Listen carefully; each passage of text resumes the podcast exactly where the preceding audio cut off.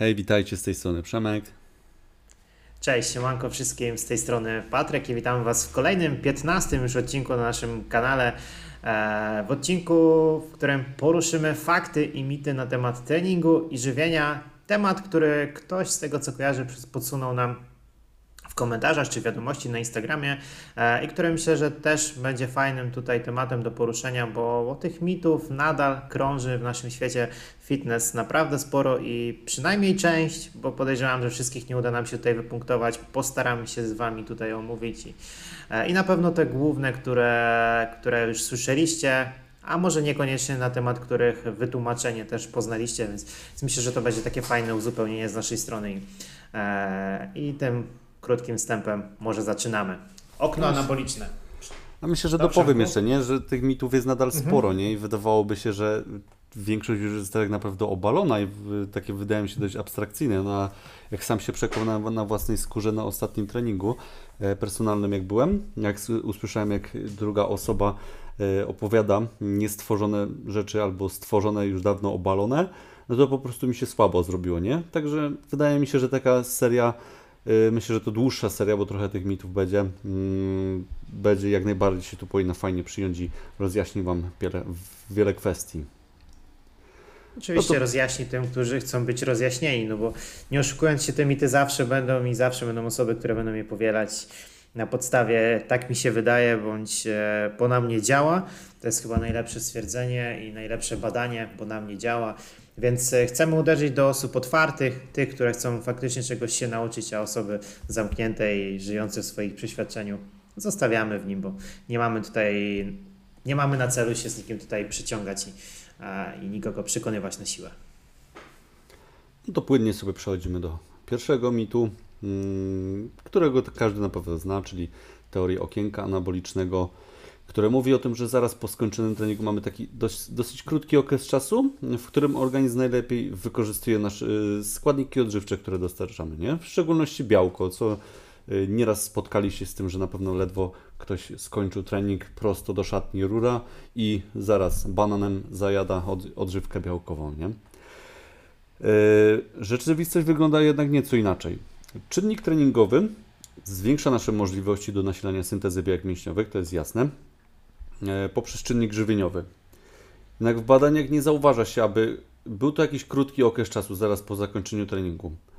E, aktualnie nie ma jednoznacznych dowodów na to, aby dostarczenie porcji białka na krótko po treningu dawało nam jakiś większy efekt niż na przykład w odstępie około 2-3 godziny od treningu.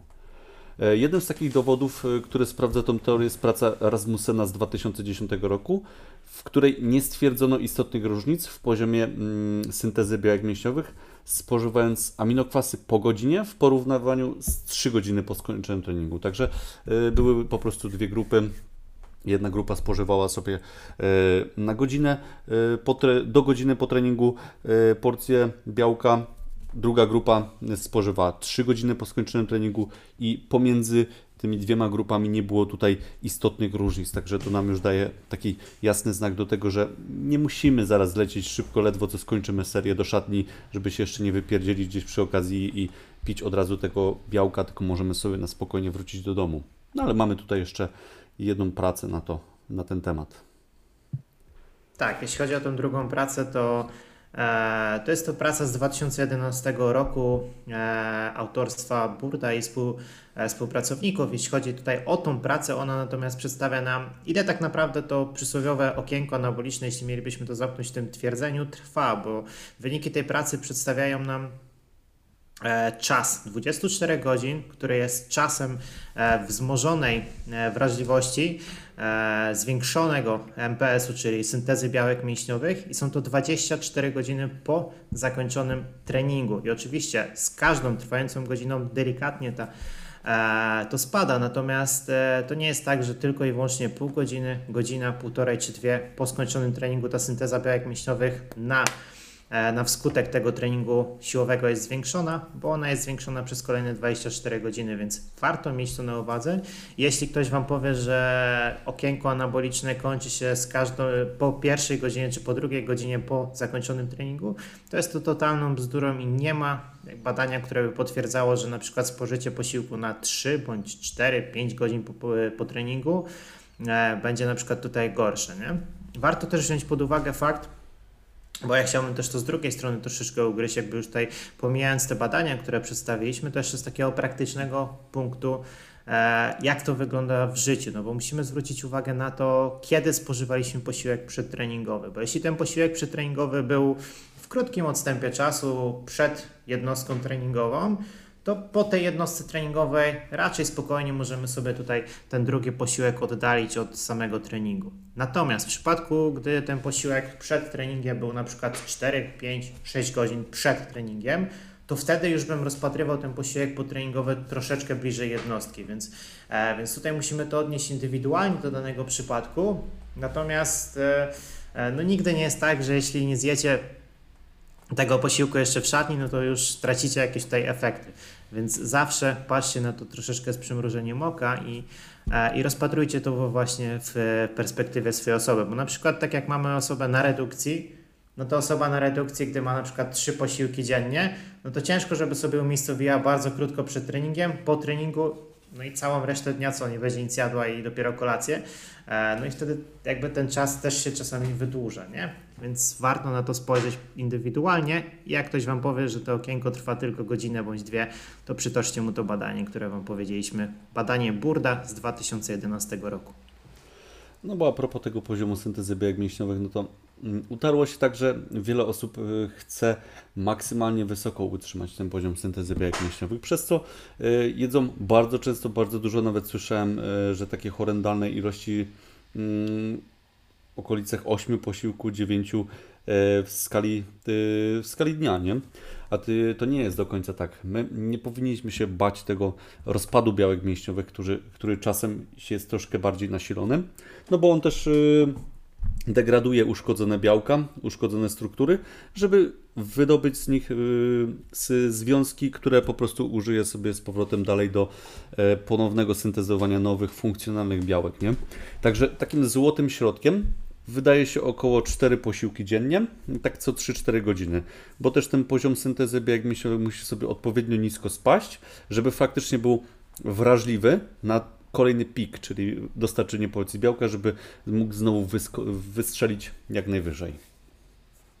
No oczywiście rozplanowanie sobie tych posiłków w ciągu dnia ma znaczenie i jedzenie e, w miarę regularnie, tak żeby to białko sobie dostarczać w kilku porcjach w ciągu dnia w sensownej ilości, które jest w stanie tutaj zastymulować e, syntezę białek mięśniowych na maks maksymalnie, e, jest racjonalne, tak? Tylko po prostu jakby na końcu to wszystko się zamyka w tym, w tym e, komforcie, w tym tak naprawdę jak nasz dzień wygląda i, i tym jakie są nasze cele, bo są, jest osoba, która chce w 100% wykorzystać właśnie benefity z tego idące, wtedy ona dostosuje swój tryb dnia właśnie pod te posiłki. Ale jest osoba, która trenuje rekreacyjnie i dla której na przykład e, odżywianie jest tylko i wyłącznie dodatkiem, wtedy warto spojrzeć na to z zupełnie innej strony no i dostosować to do swojego życia, więc E, więc myślę, że ten temat tutaj e, tego okna anabolicznego sobie zamkniemy. I też chciałbym tylko jeszcze dopowiedzieć, nie wiem skąd się wziął w ogóle ten posiłek banan i białko. Oczywiście białko jako proste źródło, proste źródło dostarczenia e, samego białka jak najbardziej tak, banan jako proste źródło węglowodanów, ale dlaczego akurat się wziął banan, na przykład, nie wiem, nie winogrona albo nie wiem, cokolwiek innego w formie prostych węglowodanów?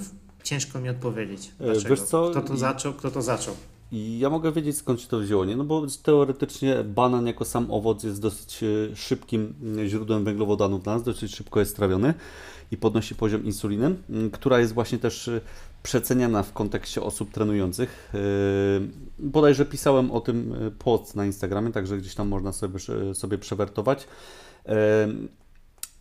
wzrost poziomu insuliny w dawkach fizjologicznych nie gwarantuje, że my jesteśmy w stanie mocniej nasilić e, ten poziom syntezy białek mięśniowych. Oczywiście pewien wzrost jest konieczny, ale to już wystarczy dosłownie niewielka ilość węglowodanów, tak jak na przykład jaka jest e, w produkcie mlecznym, czyli serwatka, odżywka białkowa i to w zupełności wystarczy, także już nie potrzebujemy sobie tego banana. E, żeby ta insulina pozwoliła na jeszcze lepszy wzrost poziomu syntezy białek mięśniowych Oczywiście w dawkach sup, suprafizjologicznych, czyli mm, powyżej naszych norm, które oczywiście uzyskujemy e, poprzez dodatkową mm, zakazaną suplementację. E, jak najbardziej są w stanie mocniej nasilić poziom syntezy biegów mięśniowych, ale my tu świadomo zajmujemy się głównie mm, treningiem osób naturalnych i e, wszelkie sterydy i zakazane środki to nie jest nasza broszka i tym się nie zajmujemy.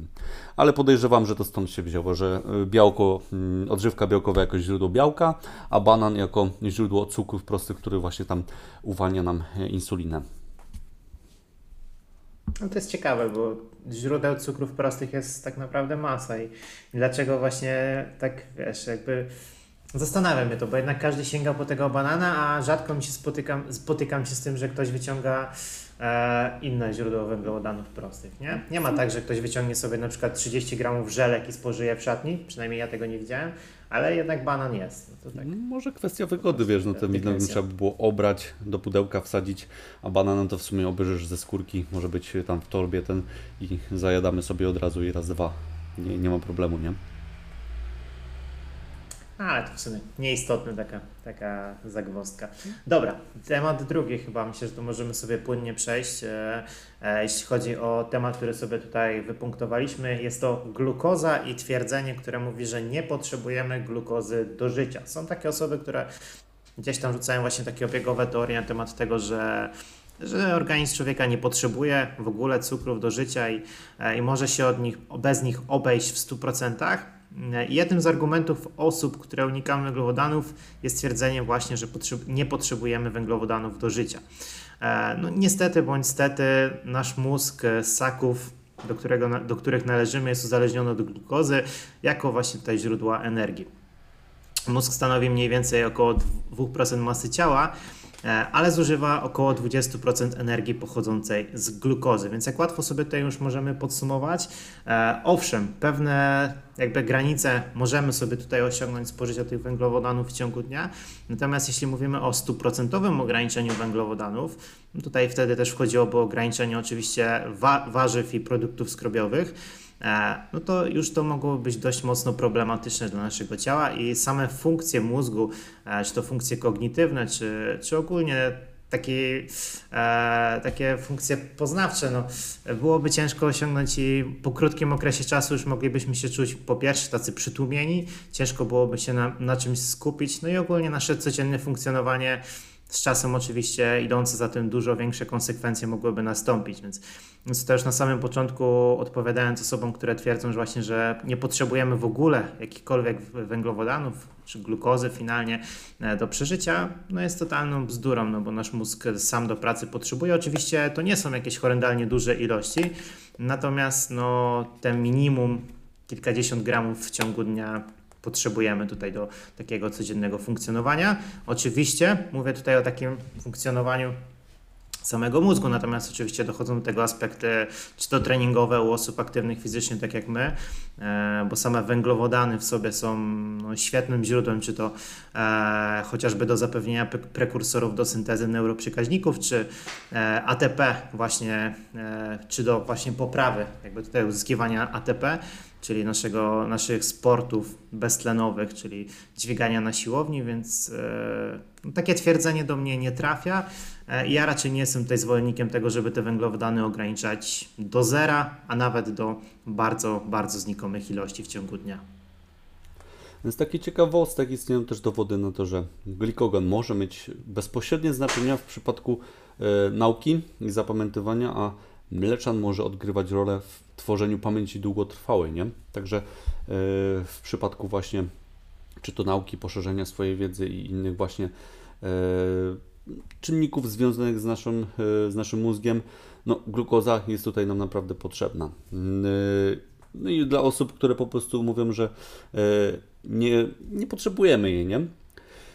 Niestety, ale z powyższych wniosków właśnie wychodzi nam, nam coś innego. Glukoza jest również najszybszym źródłem do produkcji właśnie ATP, to co Patryk wspomniał, który jest głównym źródłem energii, naszą podstawową jednostką energetyczną. Nasz organizm posiada szereg mechanizmów, dzięki którym pozyskujemy z węglowodany, węglowodany źródeł niewęglowodanowych, nie? czyli przykładowo e, z większej konsumpcji białka. Wiadomo, to jest bardziej skomplikowany szlak, ale jesteśmy w stanie z białka nawet pozysk pozyskać glukozę. E, więc jeżeli właśnie byłyby dla nas zbędne, to po co nasz organizm e, ma taki mechanizm, że jeżeli nie dostarczamy tych e, węglowodanów, to posiada właśnie mechanizm, dzięki którym właśnie je pozyskujemy z produktów niewęglowodanowych, nie? To już coś mówi nam, nie? Wszystko to jest dla naszych erytrocytów, czyli czerwonych krwinek, które korzystają tylko i wyłącznie z glukozy. Nie mają czegoś takiego jak paliwo alternatywne, nie mają glukozy, to dalej niestety nam nie pojadą, nie będą funkcjonować i nie będą nam dostarczać tlenu do, poprzez krew e, do każdych organów. Mm. Są one niezbędne do życia, transportują właśnie ten tlen z płuc do całego organizmu i nikt ich w tym niestety nie zastąpi. Jednak ktoś powie, no dobra, ale osoba y, jakaś tam jest na ketozie, żyje, ma się dobrze i robi efekty. No oczywiście, nawet na diecie ketogenicznej y, dostarczymy pewną ilość węglowodanów, niewielką, co utrudnia pewne procesy w organizmie. No ale pytanie, po co mamy sobie życie utrudniać, nie?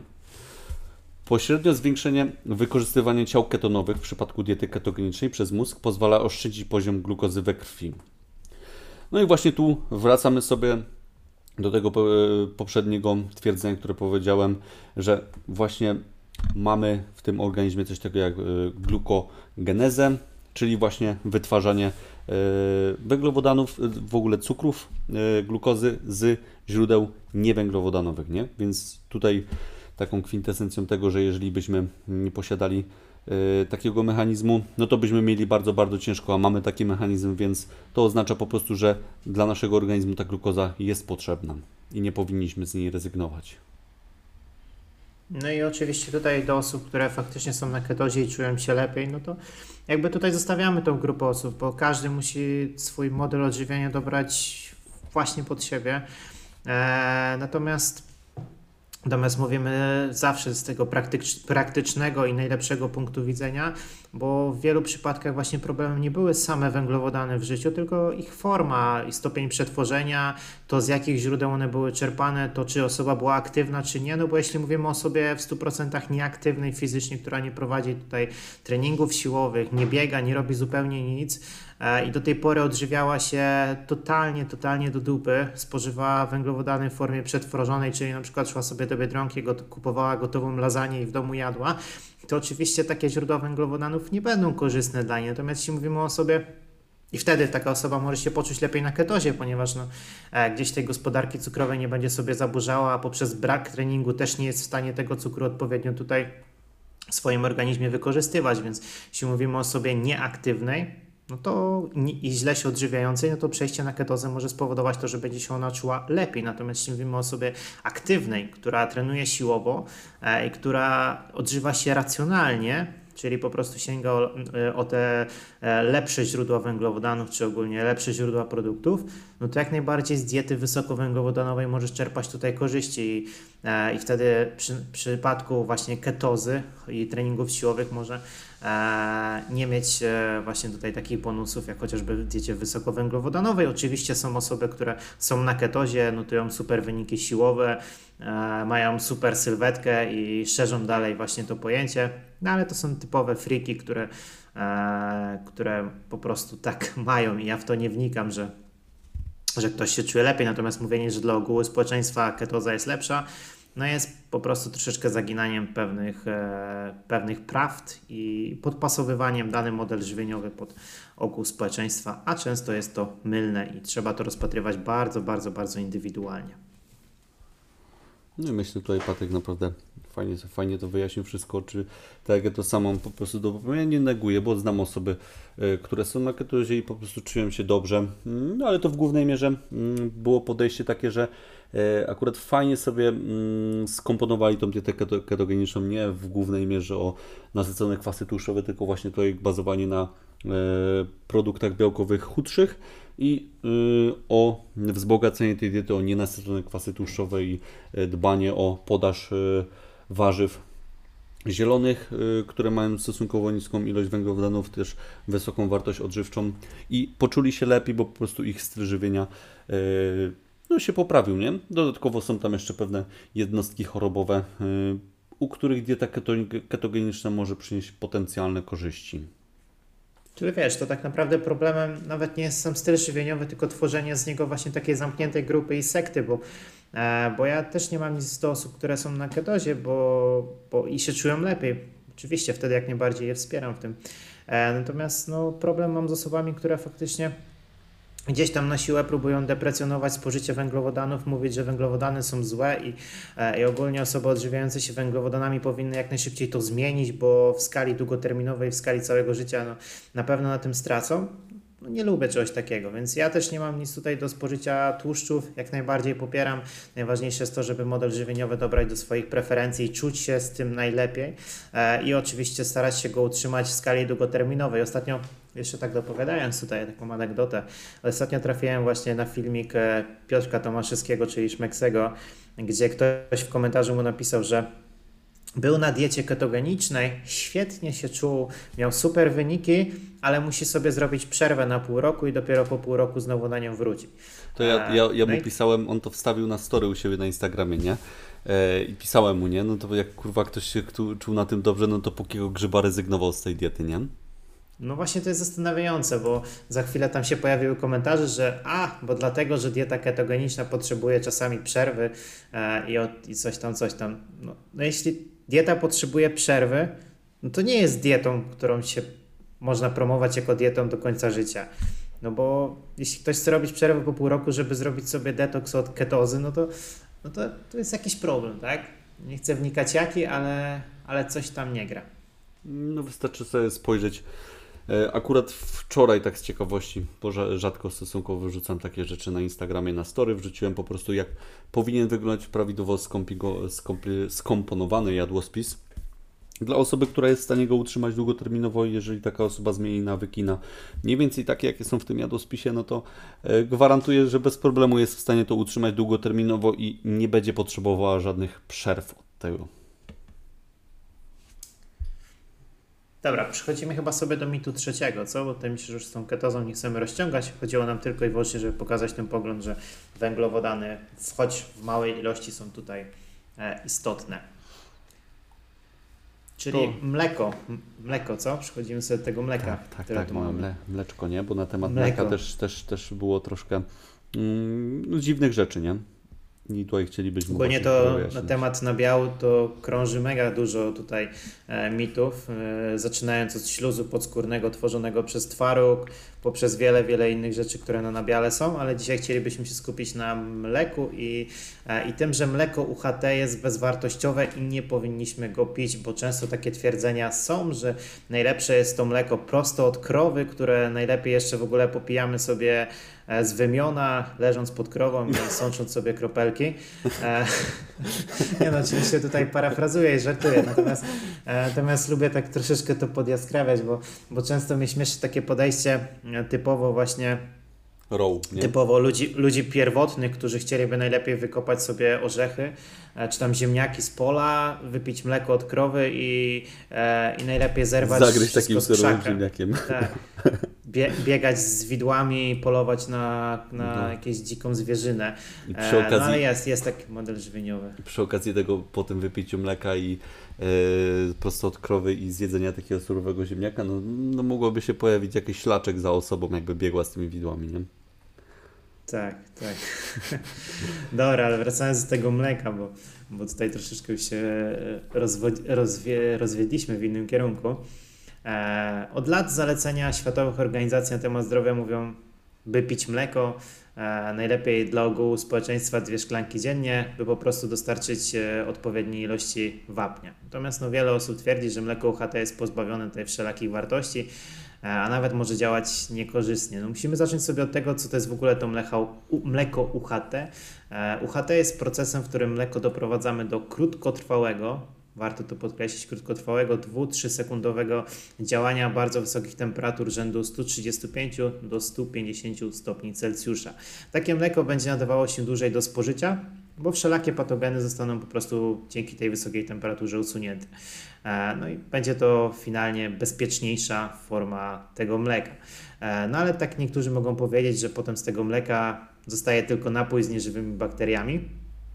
E, no i właśnie niejako poprzez tą obróbkę termiczną mleko traci trochę wartości, ale warto sobie tutaj podkreślić tak naprawdę jakiego rzędu są to straty w takim mleku HT, bo jeśli chodzi o zasobność kwasu foliowego, są to straty rzędu 10-20%, witamina B1 10-20, witamina B6 10-15, B12 od 0 do 30 i witamina C od 15 do 20 e, procent strat w przypadku właśnie takiej obróbki wysokotermicznej.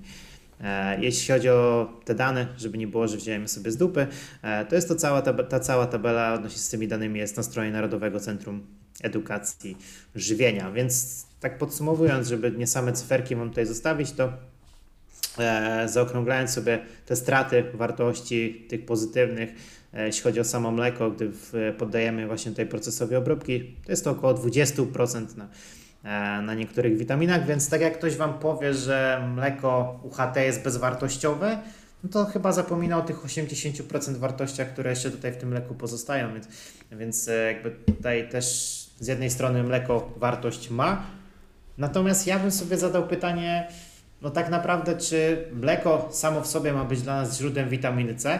No tak średnio, więc nawet jakby te 25% stracić w obróbce termicznej, no to jednak ja nie szukam w mleku źródła witaminy C, więc, e, więc jeśli chodzi tutaj o, o to, to też są troszeczkę takie dane wyrwane z kontekstu, ale na których tutaj wiele osób korzysta, żeby podeprzeć swoje tezy na temat tego, że mleko UHT jest bezwartościowe. Nie? Więc to tak e, myślę, że fajnie podsumowuje to, że jednak te wartości w tym mleku pozostają. No właśnie, no mimo, że są notowane te straty, no to jednak y, większość obróbek termicznych y, powoduje, mm, że są notowane pewne straty w żywieniu, e, no ale ta obróbka termiczna jest po to, żeby ten produkt był dla nas bezpieczny, nie? Tak przykładowo mleko UHT, e, dzięki poddaniu tym temperatur zostaną wszelkie bakteria, wszelkie patogeny usunięte, żeby, żeby to po prostu mleko było dla nas bezpieczne, nie? I mimo właśnie tego, że e, są notowane te straty, to i tak nadal jest świetnym źródłem wapnia mm, i jest jednak głównie mm, głównym źródłem witamin, nie będzie głównym źródłem witamin z grupy B lub witamin C, to jest tylko dodatek do żywności. No poza tym, no kto nie lubi na przykład y, dodać sobie do szejka mm, mleka czy do owsianki, nie? Wiadomo, że walory smakowe są tutaj y, zdecydowanie bardziej podbite, nie? Także mleko jest naprawdę świetnym dodatkiem, nie? I to nie jest tak, że y, jeżeli by ktoś bazował w swojej diecie, czego oczywiście nie polecam, tylko i wyłącznie na mleku, nie? No to tak czy siak mogłoby do tych niedoborów nie dojść. No bo pozbawimy się dostarczenia innych makro i mikroelementów y, z produktów spożywczych, jak warzyw, owoców i innego źródła białka. No ale tak czy siak mleko jest fajnym dodatkiem i, no, i nie ma się go tutaj czego obawiać. I to też pokazuje, że no, proces przetworzenia e, często nie jest procesem, który ma zrobić krzywdę naszemu jedzeniu, bo wiele osób uważa, że jak e, dany produkt zostanie poddany jakiemuś procesowi przetworzenia i e, to tak naprawdę traci na jakiejkolwiek wartości. Najlepiej jakby wszystko było totalnie takie, jak daje nam matka natura. Natomiast często matka natura no, no w pewnym stopniu gdzieś tam wymaga ulepszenia e, i tak jak właśnie tutaj w tym mleku, no to ja osobiście wolę pić mleko UHT, mieć tą pewność, że no nie, nie jest w stanie mi się zupełnie nic stać, jeśli chodzi właśnie tutaj o zasobność jakichś patogenów, a jakbym miał pić mleko prosto od krowy i dostać jakieś biegunki, czy, czy po prostu zarazić się jakąś bakterią, no to średnie jakby tutaj bilans zysków i strat, więc w końcowym rozrachunku czasami niektóre produkty są lepsze, gdy, gdy po prostu je w jakiś tam sposób chemiczny czy technologiczny zabezpieczymy przed, przed tym, co może nam grozić. I tutaj też takie mm, uzupełnienie właśnie tego, że, że ludzie powiedzą zaraz, no ale kiedyś ludzie pili od krowy i żyli. Ludzie kiedyś jedli surowe mięso i żyli, ludzie kiedyś robili to i żyli. Tak, e, ludzie żyli, tylko chodzi, jeśli chodzi o długość życia ludzi pierwotnych, a długość życia ludzi aktualnie, no to jest ona znacząco różna. Oczywiście na korzyść aktualnego życia, więc, więc uważam, że niektóre te nowinki technologiczne i nowinki żywieniowe no są na naszą korzyść, tylko po prostu musimy z nich e, odpowiednio korzystać. No i w sumie a propos tego, co ostatnio powiedziałeś, no to y, usłyszałem kiedyś u jakiejś jednej osoby, już nie pamiętam kto, że powiedzenie e, takie właśnie, które ty stwierdziłeś, no to, to można porównać, no to dobra, no to mój, mój dziadek palił i żył do, do setki, albo żul spod kratki walił denaturat i też żył do setki, nie? No to jest, to jest trochę ab, abstrakcyjne, nie? To jest taki przykład na zasadzie, bo ktoś trenował jakimś planem treningowym, a ty mówisz, że ten plan nie ma sensu, no ale ten ktoś zrobił efekty. No tak, tylko pytanie, czy nie zrobiłby lepszych efektów, gdyby trenował naprawdę tak, jak powinien. Więc porównywanie, bo nam nie działa, albo bo mi się nic nie stało, okej, okay, tobie się nie stało, twojej koleżance się nie stało, no ale e, komuś tam się stało i na przykład się zaraził. No, to, to jest w ogóle przykład z dupy, tak? Mówimy o badaniach, mówimy o tym, co pokazują te badania i badania jasno pokazują, że warto, warto tutaj to mleko pić jednak w formie UHT, a nie prosto od krowy. Oczywiście jak raz wypijecie na jakiś czas, to się nic nie stanie, bo możecie akurat mieć to szczęście, że się nic nie wydarzy, natomiast jak będziecie pić regularnie, to oczywiście tą e, tendencję wydarzenia się czegoś negatywnego sobie zwiększacie i, i ten procent ryzyka się podbija znacząco do góry. No jeszcze a propos badań, nie? No bo bardzo wiele osób teoretycznie ma gdzieś badania, nie? Mówią, a, bo tam sprawdzają, tam są jakieś sterylne warunki, albo coś, albo ten itp. itd. Badania są po to, że tworzone są również z badań metaanalizy, przeglądy, przeglądy systematyczne itp. Yy, tworzone są po to, żeby brać po prostu bardzo dużą grupę ludzi i sprawdzić coś, czy faktycznie jest potwierdzenie na daną tezę, czy jest niejednoznaczne, czy nie ma potwierdzenia na daną tezę. I to, jest, to powinno być dla większości zdecydowanie bardziej no, takie obiektywne podejście do tematu, yy, niż po prostu wyciąganie z wniosku, że działa to na jedną osobę. Tu mamy coś sprawdzone na, na tysiącach ludzi nawet i to nam faktycznie daje obraz, czy ten kierunek jest dobry, czy ten kierunek jest zły. Więc nie wiem, dlaczego też tak niektórzy podchodzą negatywnie do tych badań, nie? Może dlatego, że twierdzą, że badania na temat chociażby mleka są opłacane przez e, firmy mleczarskie, dlatego te badania pokazują, że mleko UHT jest pozytywne. Eee, no, kurczę, no też możemy tak wyciągać jakieś pojedyncze kruczki, które gdzieś się tam pojawiają, natomiast no, no badania są po to, żeby ludziom usprawnić życie. To nie jest tak, że firmy farmaceutyczne zawsze opłacają badania, bo są badania rzetelne, są badania, które mówią prawdę. E, I trzeba wziąć też pod uwagę, że te badania, które mamy aktualnie, oczywiście za jakiś czas mogą być zupełnie inne, bo pojawi się jakaś nowa technologia, pojawi się jakiś fakt, którego na przykład e, w tym momencie w badaniu nie wzięli pod uwagę. I na przykład spożycie mleka UHT wraz ze spożyciem czegoś tam w połączeniu może dawać taki efekt, którego nikt nie przewidywał. Oczywiście tak może być i to nie jest, to nie jest jakby podparciem tezy, że aktualne badania są do dupy. No nie, bo korzystamy z tego, co mamy aktualnie potwierdzone. A to, czy za rok, dwa, trzy wyjdzie coś, co może obalić tą tezę, może tak być. Natomiast no, tego nie wiemy, tak? I lepiej bazować na tych badaniach, które aktualnie są, niż na swoim, tak mi się wydaje, bo tak mi się wydaje, nie ma żadnego potwierdzenia. Ja mam kilka dowodów anegdotycznych a propos mleka. Kilka osób mi posi- ten... Hmm coś tam, chyba to było kobiet, nie? W trakcie mm, miesiączki, e, gdzie mm, spożyły mleko i zajadły, albo w ogóle spożywały ogórki kiszone i zapiły to mlekiem, nie? Skończyło się to wiadomo czym. Dłuższym posiedzeniem. No i widzisz, no i teraz by się znalazła osoba, która by powiedziała, no ale ona zjadła na przykład ogórki albo śliwki, zapiła mlekiem, nic jej nie było. No to, nie znaczy, że zjedzenie ogórków i zapicie mlekiem nie powoduje biegunki. No, to znaczy, w większości jest, spowoduje. Że jest jedną na bardzo wiele osób, że ma kichy ze stali. No, no tak, po prostu. A nie jest potwierdzeniem tezy, że, że takie spożycie produktów i takie połączenie jest bez żadnego oddźwięku na nasz układ trawienny. No i to by po było prostu. po prostu, jakby nawet zrobili z dupy o takie badanie, nie? że biorą tam 5000 osób i po prostu e, podali im E, właśnie połączenie ogórka kiszonego, czy to śliwek i mleka, no to 80% osób, dajmy, dostałoby rozwolnienia, a 20% nie, no to to po prostu daje nam takie dane, że jednak większość ma tendencję do tego, że ich układ pokarmowy nie jest w stanie wyrobić przy takim połączeniu i powinniśmy raczej tego unikać i nie testować na sobie, nie?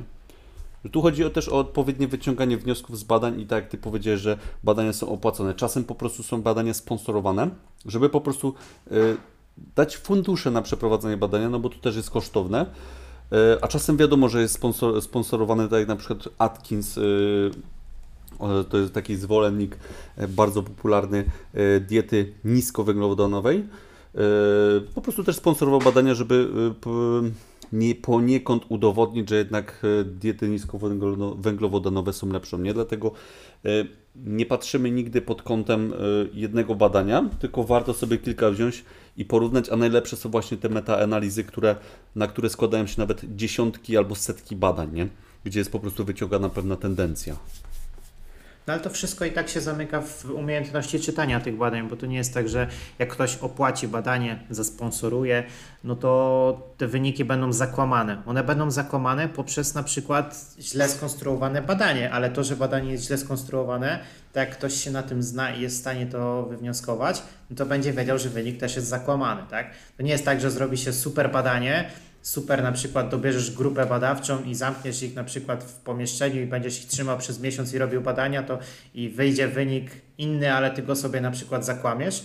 No, no nie, po prostu te, te całe jakby te przygotowanie badania, e, całe przeprowadzenie go wtedy jest, złe. No i to można się tylko dowiedzieć czytając badanie. To jest kwestia logicznego myślenia, nie? Dobra, myślę, że już tu się dość rozwinęliśmy na ten temat. Możemy lecieć dalej z czwartym i ostatnim mitem na dzisiaj, który poniekąd jest troszkę powiązany y, z tym pierwszym, czyli okienkiem anabolicznym, bo też chodzi o białko. Y, I utarło się takie coś, że 30 e, gram białka na posiłek i nie więcej, bo reszta się na pewno zmarnuje. E, z tym mitem prawdopodobnie będzie taki początek, geneza, że zalecenia nie było najgorsze, tylko na przestrzeni czasu e, i przechodzenia informacji od jednej do drugiej, do trzeciej, do czwartej osoby. Wiecie jak to jest, nie? Że czasem jedna osoba coś zmieni troszkę, druga sobie dopowie, trzecia ten i finalnie jak przejdzie to 10 pięter, no to się okazuje, że jest całkiem co innego, nie? E, mi do tej granicy białka w posiłku z reguły spotykamy wśród osób trenujących i podawane jest jako właśnie około 25-30 gramów na posiłek. No i prawdopodobnie pierwotne źródło pochodzi z prac naukowych na temat podaży białka w posiłku pod względem syntezy białek mięśniowych, nie? Czyli jaka ilość białka, jak nasila poziom syntezy białek mięśniowych. No jest to prawdą, że pewna granica, powyżej której pod tym względem większe ilości nie dadzą dodatkowych korzyści. Oczywiście zależą one od takich czynników jak pora posiłków. Po treningu może mieć teoretycznie troszkę większe zastosowanie wyższej podaży, no ale jeszcze masa ciała, wiek czy same źródło białka. Jednak przyjmuje się, że jest to około 20-25 gramów białka o dobrym aminogramie. Z reguły do badań właśnie brane jest białko serwatkowe, białka jaj czy chude mięsa. I potwierdzają to prace Tiptona KD i Philipsa SM z 2013 roku i Tannera Stokesa i współpracowników z 2018 roku. Jednak synteza białek mięśniowych to nie jedyne zadanie e, białka. Zdolność do jego trawienia i wchłaniania znacznie przekracza zdolności mięśni szkieletowych do anabolizmu. Tutaj przytaczając, dopowiadając tego, co Przemek tutaj powiedział, e, to w jednym badaniu po podaniu 20 gramów białka z kazeiny zaledwie 11% z tego zostało wykorzystane do syntezy białek mięśniowych to łatwo sobie uzmysłowić, e, że to białko do syntezy białek mięśniowych jest wykorzystywane w jakimś procencie, natomiast ma ono też inne funkcje w naszym organizmie i, e, i to też trzeba wziąć pod uwagę. Jeśli chodzi o to badanie, to jest to badanie z 2015 roku autorstwa Grena i współpracowników. E, dla ułatwienia, aby przedstawić Wam, co się dzieje ze spożytym białkiem, tutaj posłużylibyśmy się grafiką, którą możecie nas oczywiście poprosić na Instagramie. Będzie to właśnie grafika Tanera Stokesa. Możecie ją sobie albo wygooglować, albo właśnie gdzieś tam na Instagramie do nas napisać, to, e, to chętnie Wam ją przedstawimy, żebyście mogli sobie to zobrazować, o czym tutaj mówimy.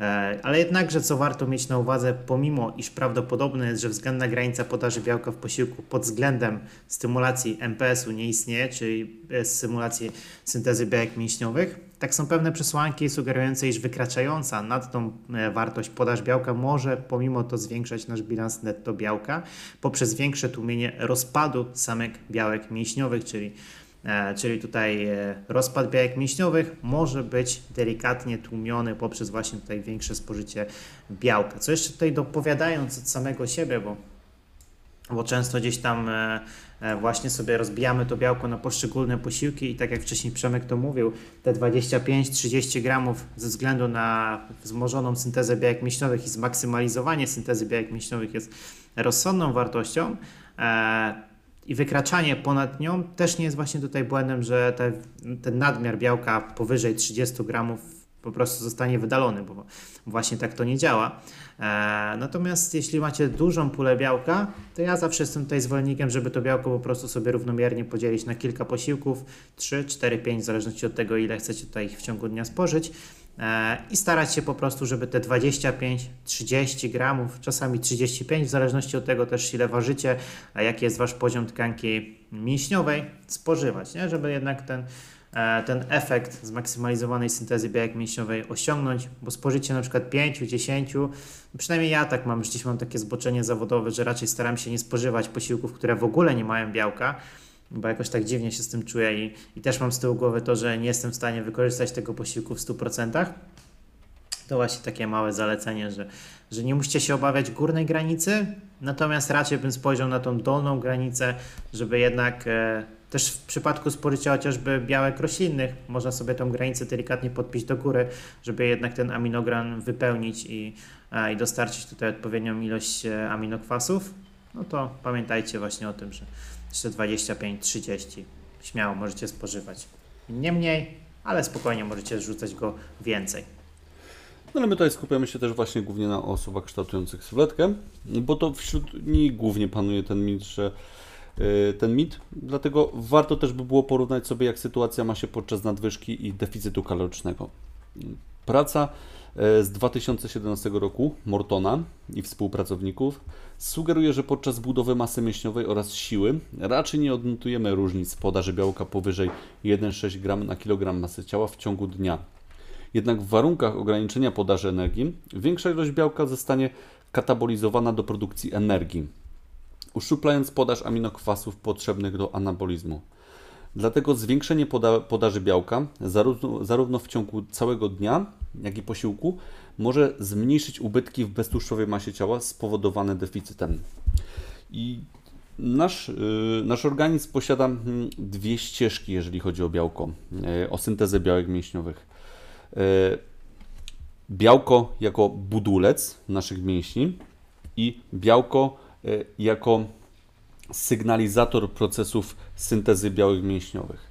E, w przypadku dostatecznej podaży energii, a nawet nadwyżki energetycznej, nie potrzebujemy aż tak dużo białka, no bo wiadomo, że tutaj wszelkie przemiany, wszelkie kinazy są na korzyść e, naszego organizmu, czyli uruchomienie kinazy mTORC. I ta dostateczna podaż energii dla naszego organizmu pozwala na to, że 1,6 jest nam w zupełności wystarczające, bo dla, dla efektu budulca naszych mięśni jest to w zupełności wystarczające. Ale białko może też posłużyć jako waluta nasilająca proces syntezy białek mięśniowych poprzez właśnie procesy sygnalizacyjne. I w przypadku y, uruchomienia kinazy AMPK w deficycie energetycznym, y, czyli tak pozbywania się tych substratów energetycznych z naszych komórek, y, większa ilość białka może być korzystniejsza poprzez nasilenie procesów sygnalizacyjnych, które właśnie pozwalają mocniej podbić poziom syntezy białek mięśniowych i finalnie zachować większą ilość masy mięśniowej, a nawet całkowicie, jeżeli ta redukcja jest stosunkowo krótka. Dlatego tutaj właśnie, tak jak już wcześniej też kiedyś mówiłem na story, nie wiem, jakby, nie wiem ile osób mnie stąd obserwuje, że raczej kierując się zaleceniami, no to ja w przypadku osób y, na nadwyżce energetycznej kieruje zalecenia między 1,6, 1,8, w zależności no czasem 2 gramy na kilogram masy ciała, jak ktoś naprawdę lubi to białko. I też warto wziąć też pod uwagę, że e, w trakcie nadwyżki energetycznej, w zależności jak duża ona jest, e, to bardzo dużo białka dostarczamy też e, z produktów niebiałkowych, nie? czyli jakieś pieczywo, warzywa, owoce, makarony, kasze itp.